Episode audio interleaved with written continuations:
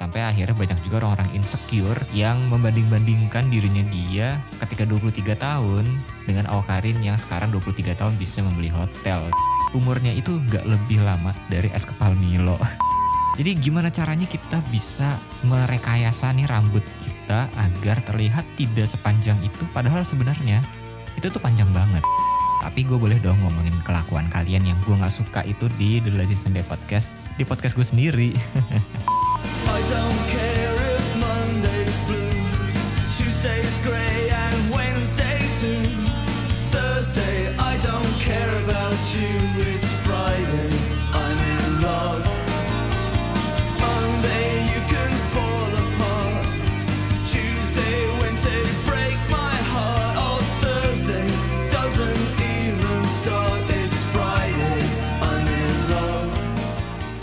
You're listening to The Lazy Sunday Podcast with me, Raka Raditya. Halo semuanya.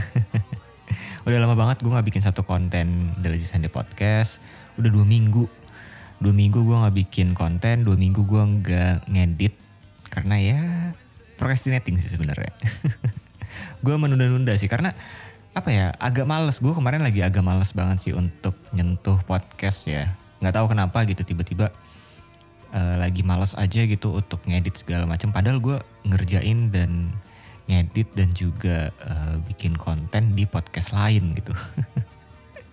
Tapi untuk Lazy Sunday Podcast nggak tahu kemarin gue lagi ah udahlah ntar-ntaran aja gitu. Dan ya nggak baik lah ya menunda-nunda pekerjaan. Kalau misalnya memang lu udah mau ngerjain itu ya langsung dikerjain aja gitu. Jangan jangan ditunda-tunda. Malah malah nggak dikerjain kayak gue nih. Jadinya ya baru bisa rilis episode sekarang gitu sebenarnya sih gue ada ya ada ada bank episode gitu ada beberapa episode yang memang udah gue simpen gitu buat buat rilis tapi ternyata malah ditunda-tunda dan jadinya malah nggak rilis-rilis gitu. Bahkan episode yang tadinya gue simpan-simpan nih untuk eh, rilis sewaktu-waktu emergency juga malah nggak keluar sih sebenarnya. Ya jangan lah ya jangan jangan menunda pekerjaan. Apalagi kalau misalnya pekerjaannya udah mepet gitu. Ya kadang-kadang memang the power of kepepet itu beneran terjadi sih dan beneran ada gitu. Tapi eh, some- sometimes tuh lu jangan mengandalkan kepepetan itu sih menurut gue. Well anyway gimana kabar kalian? Apakah memang sedang sibuk-sibuknya? Ini kan mau puasa juga ya pasti semua muanya lagi ribet gitu. Kayak ke mall juga lagi ribet. Keluar kota juga pasti banyak banget. Hotel-hotel juga lagi pada penuh gitu gue juga pun rencana mau keluar kota akhirnya agak ketunda juga gara-gara hotelnya penuh semua gitu bahkan sampai satu minggu ke depan. Jadi pasti banyak banget yang memang dilakuin sebelum puasa karena ka- apa ya kayak banyak tuh orang-orang yang menunda-nunda semuanya tuh eh, di saat puasa gitu. Jadi kayak misalnya eh, mau liburan tuh eh, nunggu setelah lebaran eh setelah iya setelah lebaran atau bahkan sebelum puasa gitu jadi di saat puasa tuh kayaknya orang-orang malas untuk liburan apa segala macem tapi ya semoga kalian tetap stay safe, tetap protokol kesehatannya tetap dijaga ya.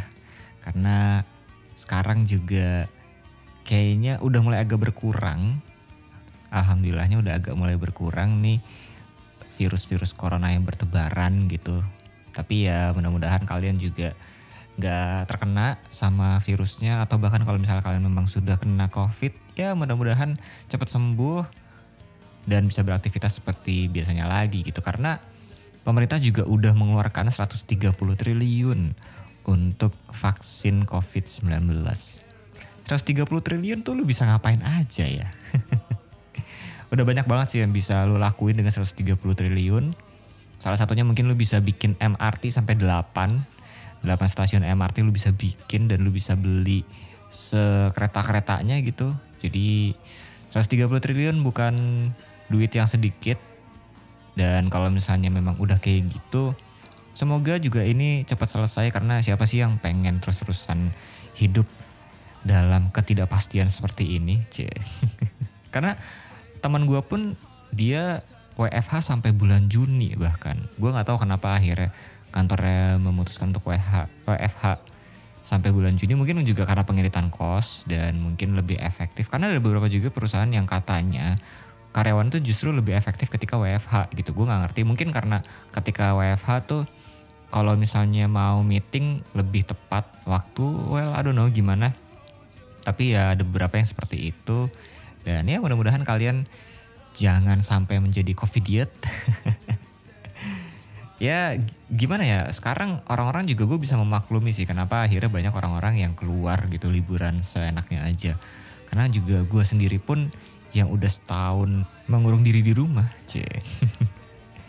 Itu juga bete banget sih yang yang kan waktu itu pemerintah bilang katanya jangan keluar keluar rumah ya jangan liburan-liburan gitu ya. Gue melakukan itu gue nggak keluar rumah kecuali karena masalah pekerjaan. Tapi akhirnya juga gue bete juga di rumah. Jadi gue pikir ya udahlah gue keluar rumah keluar rumah aja lah.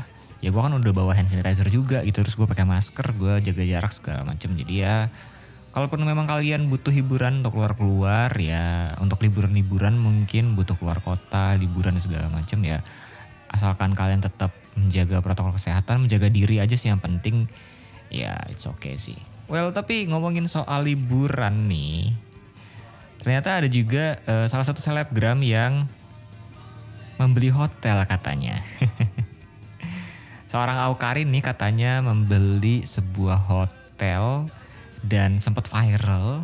Walaupun ini sebenarnya beritanya udah agak lama sih ya. Gak apa-apa lah ya, gue mau bahas ini aja sih. Jadi Aukarin ini membeli hotel dan tapi ternyata itu sebenarnya cuman iklan dari Traveloka. Luar biasa ya, itu keren banget sih. Eh, tapi kalau misalnya di umur 23 tahun lu udah bisa beli hotel tuh gokil sih. Itu either lu punya orang tua yang kaya atau emang pekerjaan lu tuh bagus banget sih. Terus akhirnya menjadi trending di Twitter, eh, banyak diperbincangkan juga sama orang-orang, sampai akhirnya banyak juga orang-orang insecure yang membanding-bandingkan dirinya dia ketika 23 tahun dengan Awkarin yang sekarang 23 tahun bisa membeli hotel gitu. Ya sebenarnya nggak apa-apa juga sih lu membandingkan diri lu sama Awkarin gitu. Ya itu pilihan lah ya gue gue tidak gue tidak pernah mempermasalahkan orang-orang yang ganggu gitu di di sosial media karena menurut gue sosial media ya buat buat memang buat ajang kayak gitu sih buat ajang show off segala macam ya udahlah ya gitu tapi banyak juga SJW SJW yang rese katanya yang kayak kenapa sih lu selalu membanding-bandingkan orang membanding-bandingkan nasib orang dengan nasib lu gitu. Kayak banyak kan yang eh, jadi Awkarin tuh posting di Twitter gitu dia seolah-olah dalam tanda kutip membeli hotel terus juga, udah gitu juga banyak banget teman-temannya yang ngerespon yang mungkin juga salah satu dari kampanyenya ya yang beli apa mengirimkan karangan bunga gitu buat Aukan terus difoto segala macam. Terus banyak juga replyan atau quote tweet yang bilang gila ya 23 tahun udah bisa beli hotel terus gue 23 tahun belum siapa-siapa nih gue belum lulus bahkan segala macam gitu. Terus banyak juga akhirnya SJW SJW yang kayak ih ngapain sih lo banding-bandingin diri lu sama Aukarin gitu. Jadi ya gue kadang-kadang juga agak gimana ya sama SJW SJW tuh di Twitter. Sorry ya kalau misalnya kalian SJW di Twitter tapi ya gue agak-agak eh, kurang sih ngelihatnya dan akhirnya omongan itu kemakan karena itu cuman sebuah gimmick. Jadi ya semuanya juga akhirnya eh, mengelus dada tepok jidat juga ternyata oh ternyata ini cuman gimmick doang ya yang tadinya.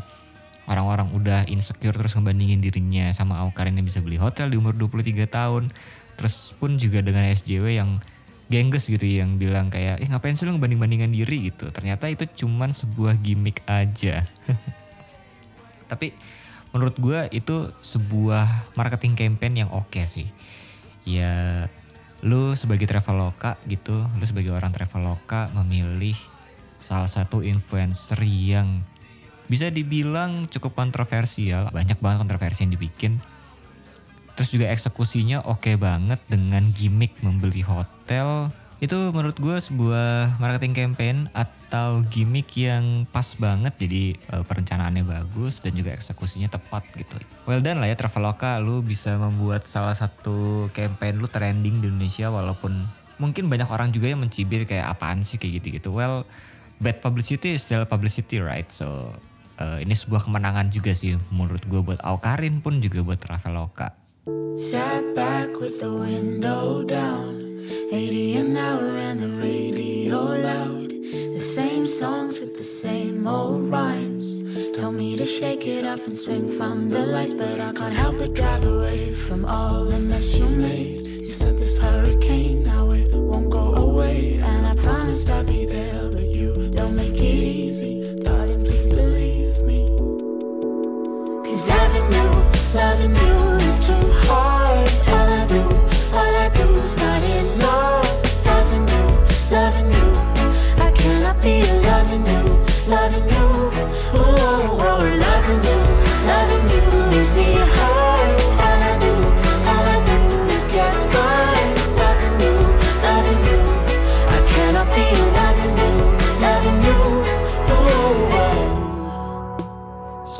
that was a wonder dengan Drive. Gue nggak tahu ya, gue tuh suka banget sama lagu ini dan banyak banget sih orang-orang yang nggak tahu sama lagu ini gitu. Maksudnya gue ketika ngobrol sama teman-teman gue terus ny- nyata lagu ini tuh banyak orang-orang yang nanya, oh ini lagu apa ya, kok enak gitu. Jadi gue suka banget sama lagu ini eh, walaupun juga banyak banget orang-orang yang nggak tahu sama lagu ini gitu. Tapi orang-orang pasti tahu dengan salah satu sosial media ini. Siapa yang nggak tahu dengan sosial media Clubhouse? Bahkan di beberapa episode sebelumnya tuh di Lazy Sunday Podcast, gue pernah membahas tentang Clubhouse ini juga. Dan ternyata aplikasi Clubhouse ini umurnya itu nggak lebih lama dari es kepal Milo. Buat gue ya, karena gue tidak merasakan serunya Clubhouse lebih dari eh, umurnya es kepal Milo. By the way es kepal Milo sekarang ke mana ya? Itu depan dulu enak banget loh, lumayan enak. Eh, menjamur di mana-mana dan banyak banget yang beli dan cukup lama loh. Itu tuh mungkin sebulan dua bulanan bahkan sampai tiga bulan. Tapi clubhouse ini ternyata umurnya tidak sampai dengan bahkan mungkin tiga bulan nggak nyentuh kali ya. Gue nggak tahu sih tapi mungkin banyak juga lo, lo semua yang masih pakai clubhouse tapi buat gue sendiri sih. Gue udah nggak pakai clubhouse lagi. Gue masih punya aplikasinya kadang-kadang gue ngeliat oh teman-teman gue masih pakai nih clubhouse gitu. Kan notifikasinya suka muncul dan ternyata notifikasinya tuh cukup ganggu karena kalau lu punya banyak banget temen gitu di clubhouse terus misalnya lu udah ngefollow banyak orang ternyata following lu itu tuh lagi membuat satu room sama teman-teman yang lain itu lu bakal dapet notifikasinya gitu. Jadi cukup ganggu juga sih sebenarnya si clubhouse ini. Dan lebih lagi kan ini juga aplikasinya cukup eksklusif ya cuma di iOS doang. Jadi nggak banyak juga orang-orang yang bisa pakai gitu. Tapi akhirnya eh, aplikasi yang cuman ikut-ikutan ini karena gitu sih ya menurut gue habit orang Indonesia tuh gitu sih. Dia melihat apa yang sedang trending di luar negeri terus ikut-ikutan gitu. Dan akhirnya ya nggak nggak bertahan lama juga umurnya. Walaupun mungkin setahu gue clubhouse sih di luar negeri mungkin masih berjaya juga ya. Eh, tapi mungkin di Indonesia nggak masuk karena banyak obrolan-obrolan nggak penting sih menurut gue di clubhouse tuh banyak banget isinya yang cuman kayak show off atau juga ada beberapa yang ya cuman buat julitin klien aja gitu. Awalnya mungkin obrolannya tentang pekerjaan segala macam gitu, tapi akhirnya ujung-ujungnya ngejulitin klien juga sih. gue soalnya pernah masuk ke salah satu room yang isinya kayak gitu gitu. Jadi pas gue masuk, nih orang lagi ngomongin apa sih? Ah, anjir ternyata lagi ngomongin klien mereka. Ya nggak penting aja sih menurut gue. Gue udah spending waktu ya walaupun cuma kayak 5 menitan gitu ya. Terus ternyata gue mengetahui itu cuman untuk ngejulitin kliennya mereka doang ya sulit juga ya kalau misalnya memang isinya orang-orang kayak gitu doang. Atau bahkan menjadi ajang untuk mereka-mereka yang bekerja di salah satu perusahaan startup gitu. Gue tidak gue tidak menjelekkan kalian yang kerja di startup enggak. Cuman tuh kadang-kadang ada beberapa mungkin teman-teman kalian yang baru setahun dua tahun kerja di startup terus udah gitu akhirnya sotoy-sotoyan gitu di clubhouse karena menurut gue eksklusivitasan clubhouse ini tuh menjadi salah satu tombak mereka-mereka tuh anjir bahasa gue tombak banget gak tuh kadang-kadang tuh karena ini ter- terlalu eksklusif gitu jadi orang-orangnya tuh jadi merasa yang kayak oh gue tuh mesti menjadi seseorang yang eksklusif juga gitu di clubhouse di room ini gitu. Dan bahkan mungkin beberapa mereka yang baru kerja setahun dua tahun di startup ini ya gue tau lah ya kalau lo bisa kerja di startup itu adalah suatu prestasi mungkin buat kalian udah menjadi satu pencapaian gitu karena mungkin masuk ke sana susah dan segala macemnya gue nggak peduli itu. Tapi kadang-kadang mereka juga sotoy-sotoyan gitu untuk kayak eh gue tuh kerja di sini kayak gini gini gini gini. Kalau misalnya kalian mau settle bisa kerja tuh kayak gini gini gini gitu. Jadi gue ngeliatnya tuh kayak yang apaan sih ini orang-orang? Lu baru kerja setahun dua tahun aja udah banyak bacot gue udah sotoy-sotoyan. Ya gue tidak tidak menjudge kalian lah ya. Kalian boleh ngapa-ngapain juga di sosial media kalian. Kalian boleh show off juga di sosial media kalian tapi boleh dong gue juga berpendapat kalau itu tuh ganggu dan gue nggak suka gitu ya Ya well, it takes two tango lah ya. Kalian boleh ngobrolin apa aja. Kalian boleh satu-satuan di sosial media. Salah satunya Clubhouse mungkin. Kalau misalnya itu memang kalian seneng ya silahkan. Tapi gue boleh dong ngomongin kelakuan kalian yang gue nggak suka itu di The Lazy Sunday Podcast. Di podcast gue sendiri. Traveling places, I ain't seen you in ages. But I hope you'll come back to me. My mind's running wild with you far away.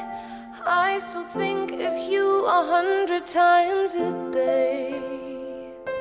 I still think of you too, if only you knew. When I'm feeling a bit down and I wanna pull through, I look over your photograph and I think how much I miss you. I miss you. I wish I knew where I was, cause I don't have a clue. I just need to work out some way of getting me to you. Cause I'll never find love like ours out here in a million years. A million years. My location oh unknown, trying to find a way back home to you again. I gotta get back to you, gotta, gotta get back to you.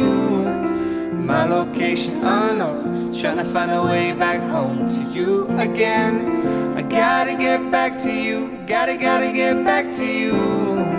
I just need to know that you're safe, given that I'm miles away. I'm the first flight back to your side. I don't care how long it takes, I know you'll be worth the wait. I'm the first flight back to your side. So that was Horn Fit BK dengan location unknown. Siapa sih nggak tahu lagu ini? ini salah satu lagu yang memang hits banget dan menurut gue emang enak banget sih. Ini salah satu lagu yang menjadi salah satu lagu dalam playlist gue untuk pengantar tidur. dan kalau misalnya ngomongin Horn, pasti juga kita kangen banget ya sama yang namanya konser-konser kayak mungkin apa sih namanya We The Fest ya yang di akhir tahun tuh. Ya itulah pokoknya. Atau mungkin kayak Synchronize Fest yang beberapa tahun ke belakang cukup menjadi tolak ukur kerennya atau seberapa gaul kalian sebenarnya. ya walaupun kalian kangen sama yang namanya konser musik, gue juga pun kangen banget sama yang namanya konser musik. Tapi kalian kangen gak sih sama sekolah? Tapi gue serius deh, gue agak kangen juga sih sama yang namanya sekolah. Dan ternyata pemerintahan DKI itu sudah memulai yang namanya uji coba untuk sekolah tatap muka.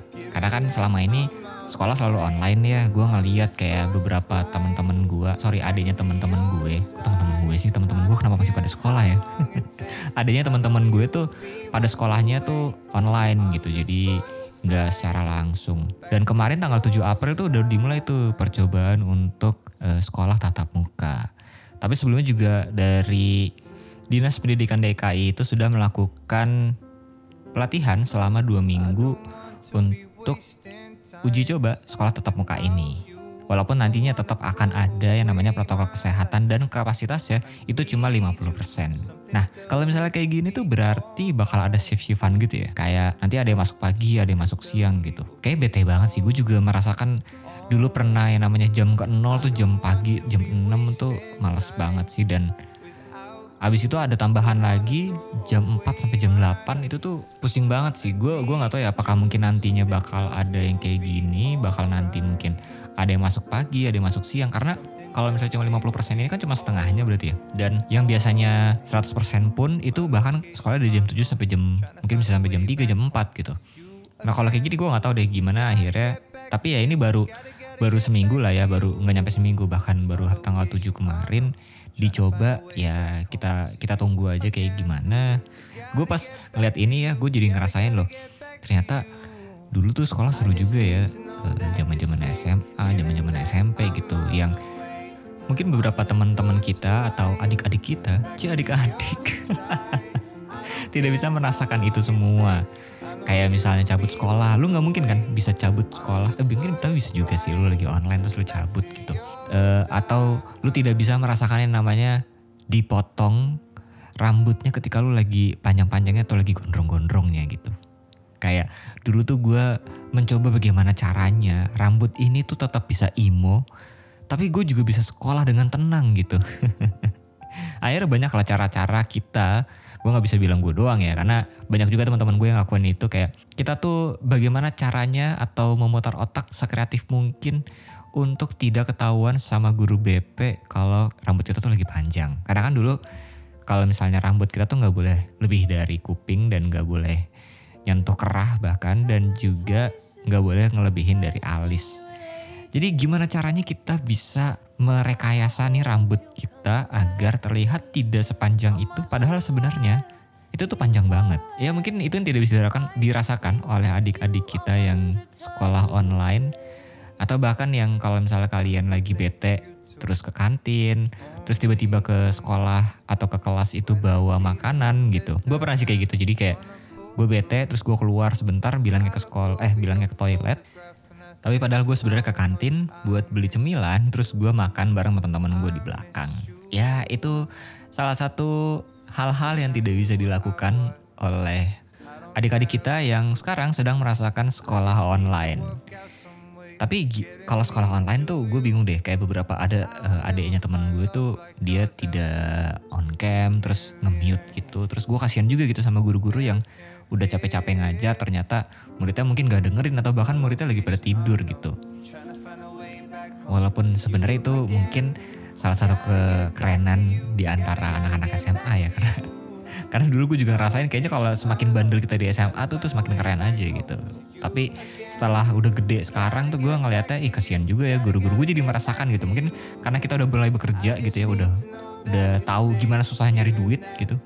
Terus ngeliat kayak teman-teman kita yang jadi guru terus ngajarin ngajarin eh, anak-anaknya secara online terus gak didengerin tuh kayak sakit hati juga gitu. Karena gue merasakan susahnya cari duit. Atau mungkin kita kita juga merasakan gitu gimana sih susahnya cari duit gitu. Ya tapi semoga ini salah satu sinyal baik kalau misalnya memang si COVID-19 ini udah mau selesai, pandemi udah mau selesai. Karena juga kan bersabar aja sama kalian kalau mau dapetin vaksin. Karena setahu gue vaksin ini baru untuk para petugas medis, lansia dan juga pekerja pemerintahan ya. Dan sekarang ada juga vaksin mandiri untuk perusahaan. Jadi mungkin kalau misalnya kalian bekerja di salah satu perusahaan, mungkin coba tanya ke HRD kalian bisa dapat nggak vaksin mandiri secara kolektif gitu karena beberapa rumah sakit juga udah melakukan vaksin mandiri untuk perusahaan secara kolektif jadi ya mungkin siapa tahu kalian bisa mendapatkan vaksin itu dan bisa cepet-cepet divaksin dan bisa bekerja lagi di kantor seperti sedia kala seperti sebelumnya. Kalau gitu sampai di sini dulu untuk di Sunday Podcast episode kali ini. Thank you banget buat kalian udah dengerin episode ini dari awal sampai sekarang.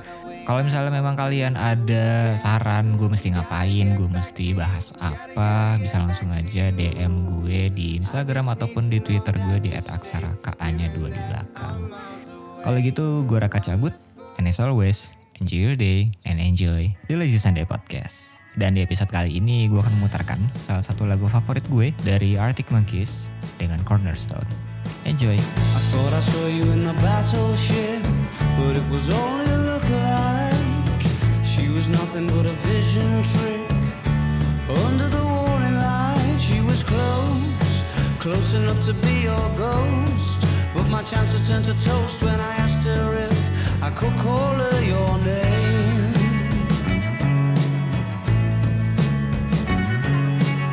I thought I saw you in the rusty hook, huddled up in a wicker chair.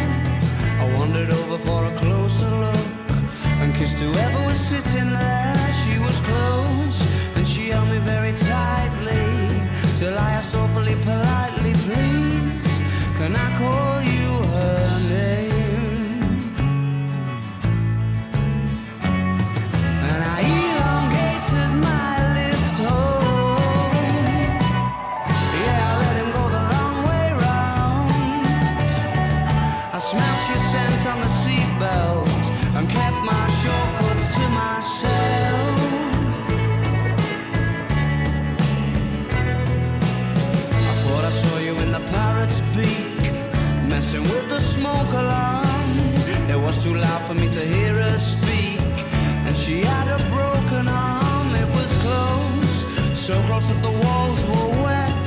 And she wrote it out in letter sets. No, you can't call me her.